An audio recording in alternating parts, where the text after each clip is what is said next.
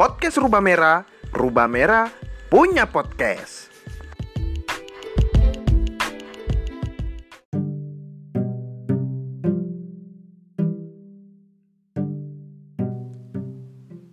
Selamat pagi, siang, sore, ataupun malam pendengar setia podcast Rubah Merah.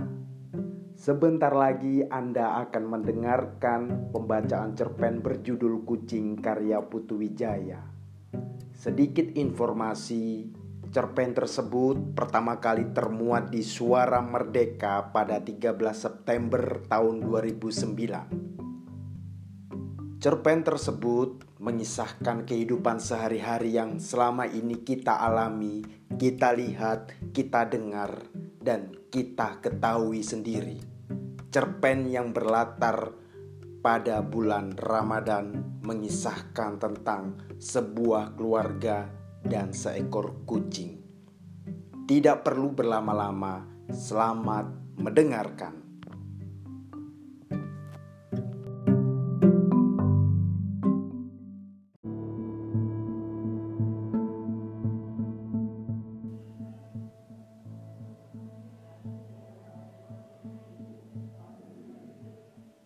Kami bertengkar lagi. Menurut saya, tetap tiga hari sekali, tidak bisa diganggu gugat.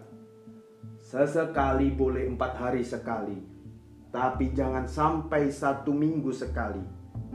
Meskipun ini bulan puasa, itu kan kebutuhan rohani. Tapi dasar kepala batu, satu minggu satu kali saja sudah kebanyakan Katanya dua minggu sekali cukup. Orang lain ada yang sebulan sekali, apalagi pada bulan suci. Kalau tidak setuju, terserah. Setuju? Bagaimana mungkin saya setuju? Mestinya dia harus bersyukur. Sebab setelah puluhan tahun saya masih tetap fit. Saya selalu hangat segar, dan bertubi-tubi seperti prajurit yang siap menyerahkan jiwa raga untuk membela negara. Tidak ada kata bosan. Semuanya seakan yang pertama kali. Itu kan karunia yang harus disyukuri. Tapi kontrak tidak bisa hanya satu pihak saya jadi pusing tujuh keliling. Lalu saya ngelencer ke segala penjuru kota membunuh waktu. Menunggu saat berbuka. Saya masuki toko-toko buku mencari-cari yang tak ada. Akhirnya saya beli juga 10 buku tua yang harganya jatuh. Bukan karena isinya sudah busuk, tapi karena kalah heboh oleh promosi buku-buku komoditas yang sebenarnya bermutu sampah. Menggendong seabrek belanjaan yang mungkin tidak akan pernah saya baca itu. Saya seberangi Jakarta. Lalu lintas sudah makin brengsek. Janji untuk menurunkan rasa nyaman bagi pejalan kaki. Heh, ternyata omong kosong semua. Motor berseliweran siap membunuh pejalan kaki yang meleng dan mobil-mobil seakan-akan begitu meremehkan harga manusia. Tapi saya masih bisa tepat sampai di depan rumah. Ketika suara azan maghrib terdengar, cepat saya rogoh kunci dari saku dan buru-buru masuk rumah. Teh kental manis panas pada bulan puasa lebih indah dari rubayat-rubayat Umar Kayam. Puasa adalah bulan yang paling saya tunggu dalam setahun. Itulah saat saya merasakan nasi adalah nasi. Pisang goreng benar-benar pisang goreng. Dan kehidupan betapapun rewelnya adalah sebuah puisi. Celakanya rumah kosong. Saya baru ingat istri dan anak saya ada janji berbuka di rumah saudaranya. Tak apa. Hanya saya tidak melihat ada sesuatu di atas meja makan. Ada vas bunga dengan bunga mawar. Tapi saya tidak bisa menegak mawar. Saya memerlukan sesuatu yang hangat mengalir di tenggorokan setelah menahan nafsu selama 12 jam. Harusnya saya tidak usah buru-buru pulang. Makan saja di warung sate kambing muda. Sekarang kalau balik ke situ tidak akan keburu. Dibayar dua kali lipat juga tukang taksi tidak akan mau jalan. Mereka juga mau menikmati buka. Dengan kesal saya lemparkan buku-buku ke atas meja. Saya kenakan kembali sepatu, siap untuk kabur. Biar saya makan enak sendiri di PIM, mengganyang bebek goreng yang harganya selangit itu. Seratus ribu melayang juga tak apa, asal tidak kecewa. Dan kalau perlu terus nonton bioskop. Tapi ketika mau menutup pintu, saya dengar ada suara kucing mengeong. Saya bukan penggemar kucing, tapi saya paham sedikit bahasa kucing. Itu bukan ngeong kucing yang sedang kasmaran. Itu kucing yang sedang keroncongan. Kucing memang selalu kelaparan, tapi itu ngeong kucing yang ngebet makan sesuatu tetapi tak berdaya. Dengan hati-hati saya kembali masuk rumah. Saya temukan kucing tetangga mengeong di dapur. Dia meratap lembut di depan almari. Matanya sayu. Ketika saya muncul, dia terus saja mendayung-dayu sambil mencakar-cakar almari. Seperti menunjukkan di situ, di situ, saya ikuti petunjuknya, lalu membuka almari. Begitu daun almari terbuka, hidung saya diterjang bau ikan bakar rica-rica yang sedap sekali. Saya lihat juga ada termos dan gelas kosong dengan bubuk teh tarik sasetan di dalamnya. Tinggal diseduh saja. Ngeong kucing itu nyeletuk seperti mengatakan, "Nah, ya kan?" Benar. Kata saya sambil membelai kucing itu dengan sayang. Kalau kamu tidak merintih-rintih kawan, aku tidak akan tahu. Istriku sudah menyiapkan segala yang terbaik buat suaminya sebagaimana mestinya seorang istri yang bertanggung jawab. Terima kasih, Cing. Untung ada kamu. Huh, kalau tidak, aku tidak pernah tahu. Aku sudah punya semua ini. Kau sudah menyelamatkan seratus ribu, mungkin dua ratus ribu lebih yang mau disikat kas bebek goreng penganut new liberalisme itu. Kucing menggesek-gesek kepalanya manja ke tangan saya. Oke, aku tidak jadi marah. Mari kita nikmati hidup ini. Saya katakan sambil meletakkan kucing itu di lantai. Saya buka sepatu, kemudian menjerang teh tarik. Nikmatnya setelah marah-marah, tendangan rasa teh berlipat ganda. Apalagi istri saya tidak lupa menyediakan musuh yang serasi. Singkong yang sudah dibalur bumbu sebelum digoreng. makanan tradisional dengan bahan baku langsung dari kebun lebih sehat, lebih aman, lebih murah, dan lebih nikmat dari makanan kalengan keluaran pabrik mana pun. Tidak memberi jeda lagi. Saya siap mengganyang ikan bakar rica-rica untuk menghargai karya istri saya itu. Tapi begitu menoleh, saya terperanjat. Rica-rica itu sudah lenyap. Pintu almari yang belum sempat saya tutup seperti kecewa. Mata saya jelalatan mencari kucing ternyata sambil mengeram-ngeram. Durjana itu mengganyang ikan saya di bawah meja, di depan mata si pemiliknya. Darah saya langsung mendidih. Bangsat! Kucing itu terkejut sambil melotot. Dia caplok ikan itu untuk dibawa kabur. Tangan saya menyambar buku lalu menembak tepat mengenai badannya. Hewan itu terjungkal lalu lari keluar. Ikan rica-rica saya terkapar berserakan di lantai.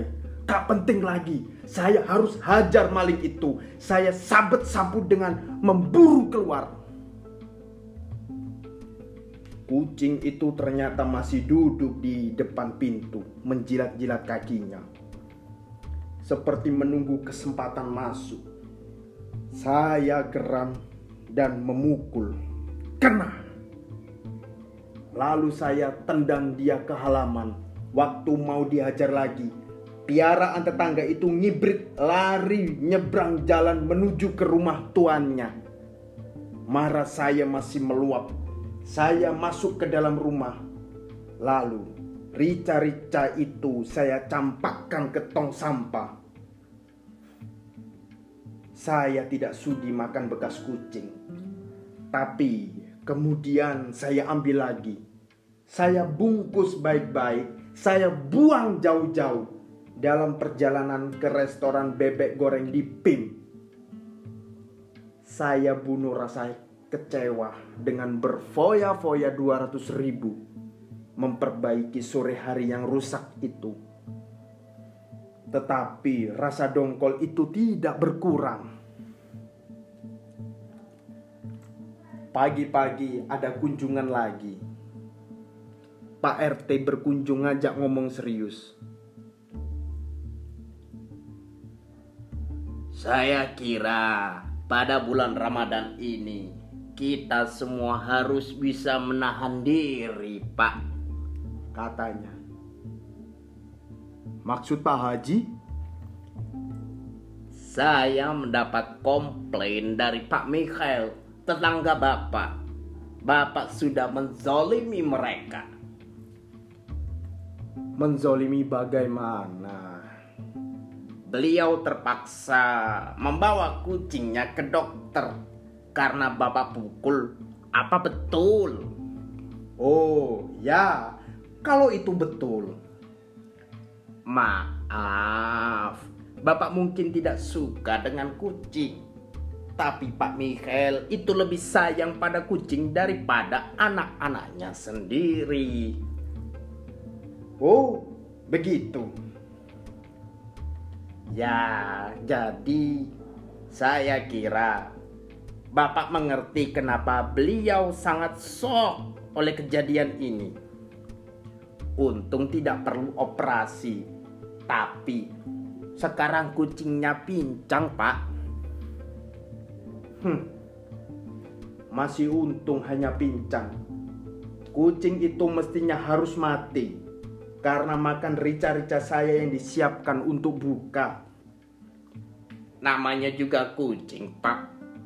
Makanya jangan meletakkan makanan terbuka di meja. Dia curi dari almari. Apa kucing bisa membuka almari, Pak?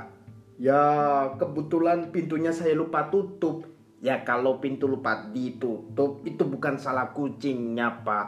Salah siapa? Salah saya. Kucing itu binatang, Pak. Tidak bisa disalahkan. kita yang memiliki kesadaran yang bersalah. Wah, itu tidak adil.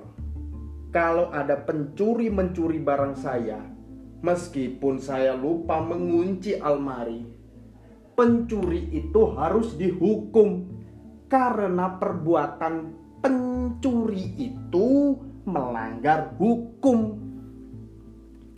Memang begitu, Pak. Terus, Pak RT mau nyuruh saya ngapain? Minta maaf sama Pak Michael karena saya sudah memukul kucingnya. Tidak. Terima kasih.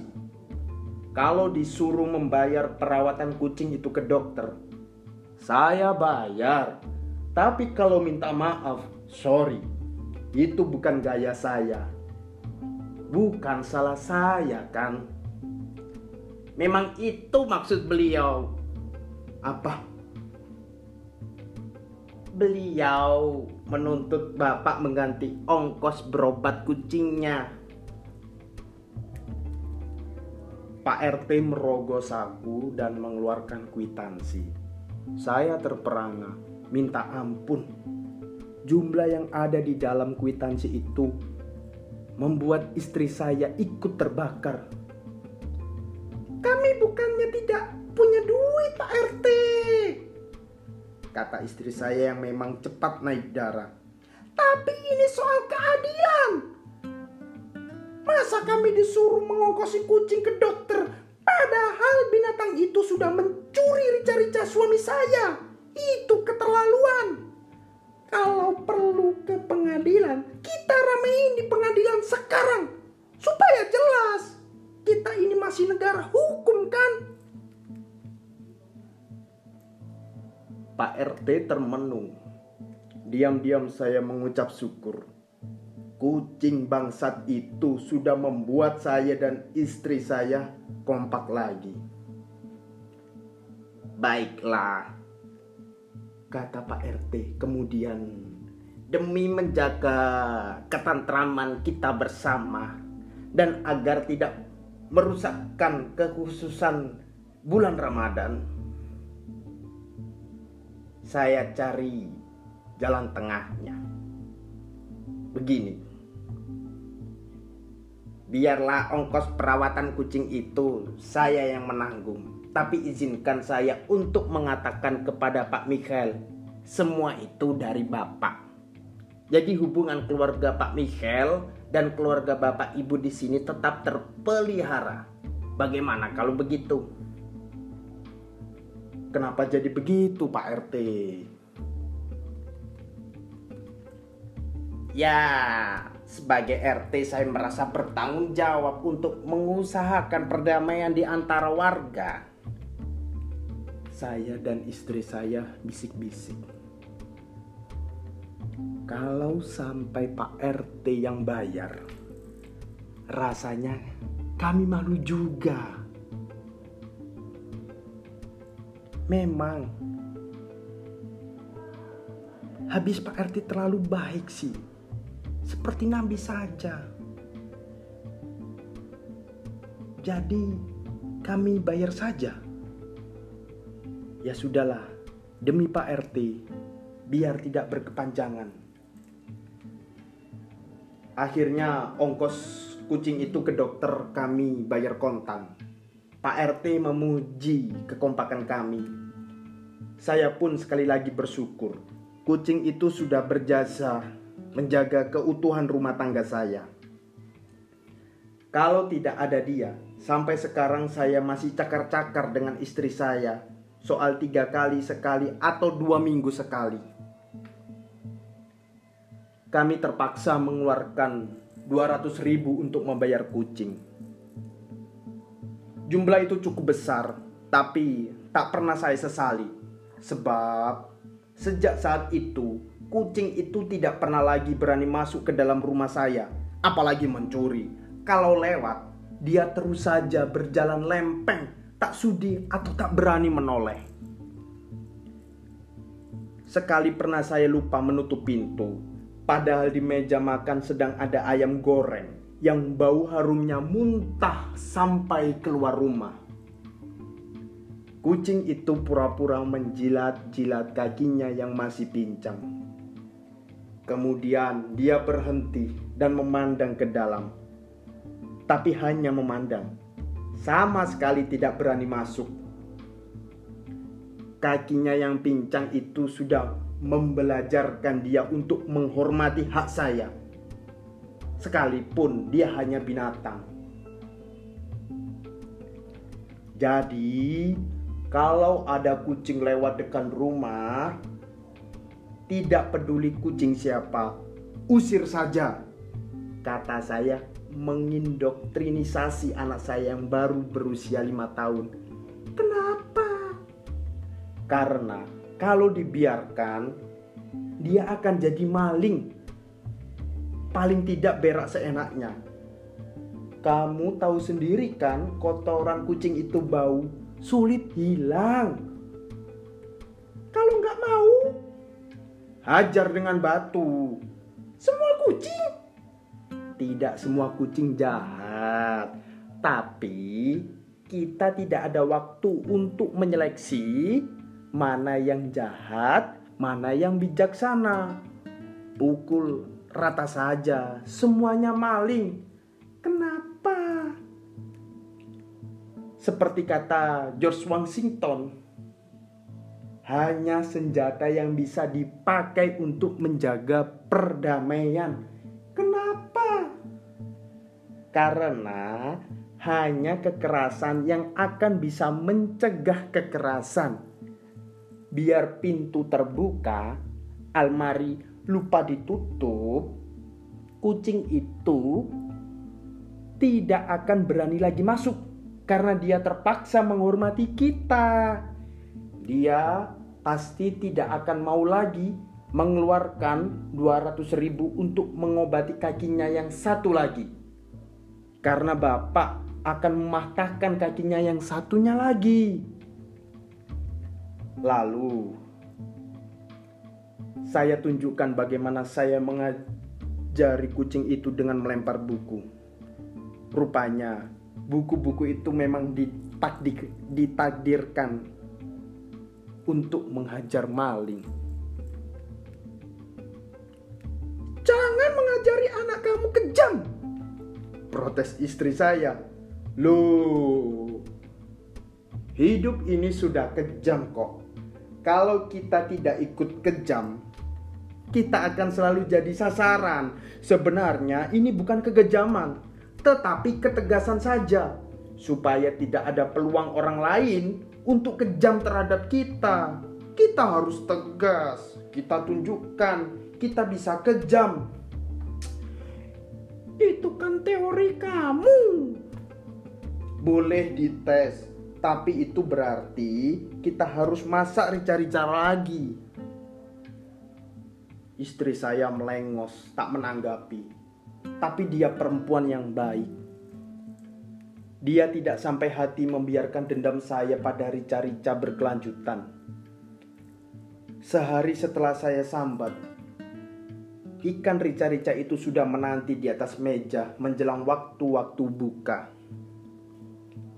Dengan tak sabar saya tunggu ceramah Pak Hurai Sihab di televisi yang dipandu oleh si cantik ini Keku Syarawati. Sekali ini rasanya lama sekali. Bau rica-rica itu sudah mencabik-cabik. Lihat, kucing itu sudah bengong di situ. Kata istri saya menunjuk keluar jendela. Gak bakalan, gak bakalan ada kapoknya. Namanya juga binatang. Saya ngintip. Kucing itu memang lagi termenung di pagar rumah. Tapi itu jelas acting. Dia pasti sudah mengendus bau rica-rica yang sudah sempat membuat kakinya pincang. Tutup jendelanya pak. Tidak usah.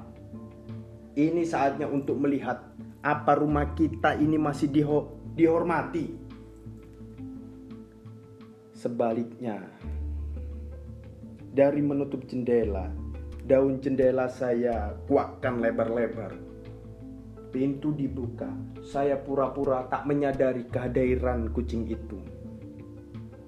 Ikan rica-rica itu saya pajang di atas meja, di teras, tanpa ditutupi. Saya ingin membuktikan apakah kucing itu masih memiliki nyali. Aneh, kata istri saya. Saya tidak peduli. Saya ingin membuktikan kebenaran teori presiden pertama Amerika Serikat itu. Begitu azan maghrib terdengar, kucing itu makin gelisah. Ia tak putus-putusnya melongok ke arah meja di teras. Kelihatan nafsunya bergejolak. Tapi pelajaran yang sudah diterimanya tak membiarkan dia bergerak lebih jauh dari pagar. Sebaliknya, meninggalkan pagar pun dia tak mau. Rica-rica itu memang terlalu indah untuk ditinggalkan. Mau makan atau mau ngurus kucing makan? Bentak istri saya kesal. Lihat, aku sudah berhasil menghajar binatang itu bagaimana menghormati teritorial kita.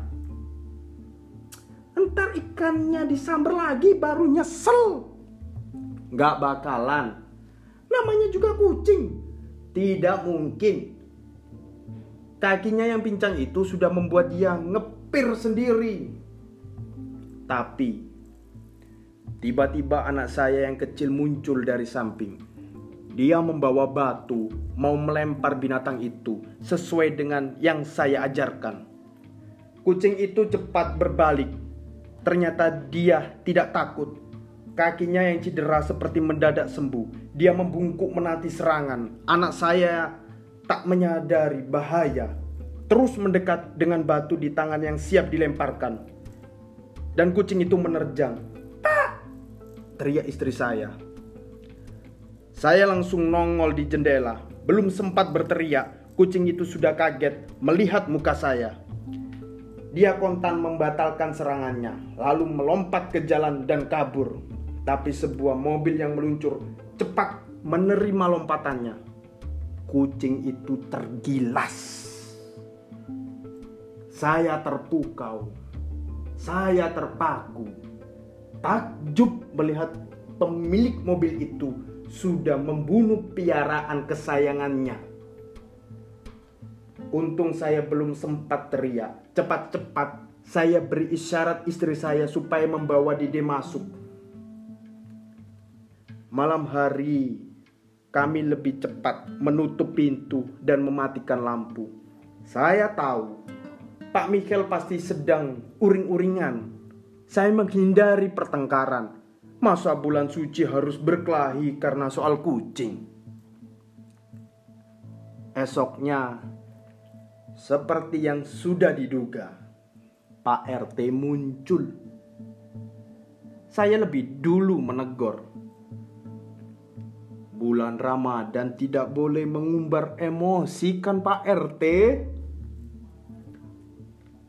Pak RT tersenyum seperti kena sindir. Betul pak Tapi kalau terpaksa apa boleh buat Loh Boleh Habis kalau nyolong melulu Saya tertegun Siapa Pak RT? Siapa lagi? Almarhum Almarhum siapa? Kucing yang bapak bunuh itu. Saya tertegun. Pak RT tersenyum. Saya tidak membunuh kucing itu. Kan yang punya sendiri yang menggilasnya. Ya, untungnya begitu. Tapi sebenarnya dia sudah mati sejak bapak mematahkan kakinya. Saya tidak menjawab. Sejak kakinya patah, kucing itu tidak berani lagi sembarangan masuk ke rumah. Bukan hanya rumah bapak, juga rumah saya dan rumah-rumah yang lain.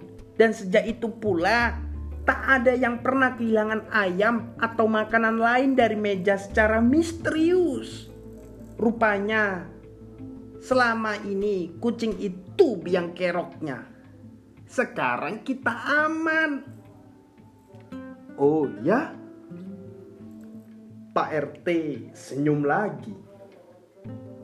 Ya, Kalau begitu, bagus dong. bagus. Jadi, kita aman sekarang. Tidak ada aman. Tidak ada tai kucing. Ya, untuk sementara. Sementara, Untuk sementara. kenapa? Sebab Pak Michael sudah membeli tiga ekor kucing lagi untuk mengganti kesayangan istrinya itu. Habis istrinya nangis terus kehilangan kucingnya. Saya terhenyak. Berarti kita harus melakukan pembunuhan lagi. Pak RT tertawa. Tidak usah, cukup biasakan mengunci pintu dan almari dapur. Dan mematahkan kakinya pada kesempatan pertama dia mencuri. Betul. Sebab kalau dibiarkan atau dimaafkan, dia pasti akan mengulang dan lama-lama jadi penyakit. Betul. Saya tertawa. Kalau begitu kita CS Pak RT. Saya mengulurkan tangan, lalu kami berjabatan. Oh ya, saya lupa. Kata Pak RT sambil merogoh kantungnya, lalu mengulurkan selembar kwitansi. Darah saya tersirat. Apa ini? Menurut Pak Michael, yang membunuh kucingnya itu eh, Bapak. Bapak diminta dengan sangat mau mengganti pembelian ketiga kucing yang baru dibelinya itu. Pak RT lalu begitu saja meninggalkan saya. Seakan-akan tidak ada sama sekali keanehan dalam peristiwa itu. Saya bingung. Tiba-tiba saya jadi pembunuh yang harus dihukum. Mana jiwa Nabi serta kebesaran Pak RT yang dulu kelihatan begitu tebal untuk menjaga kesejahteraan warga? Kenapa saya dianggap pantas menerima pemutarbalikan yang kacau itu? Manusia dan binatang sama saja. Teriak saya dalam hati. Lalu saya kejar Pak RT ke rumahnya. Saya ulurkan kwitansi itu ke mukanya supaya ia menatap dengan baik. Bukan jumlah yang tertera di sana yang membuat saya mabok. Tetapi maknanya, hakikatnya, dan tanpa bicara sepatah kata pun, saya sobek kwitansi itu di depan matanya, perlahan-lahan menjadi potongan-potongan kecil.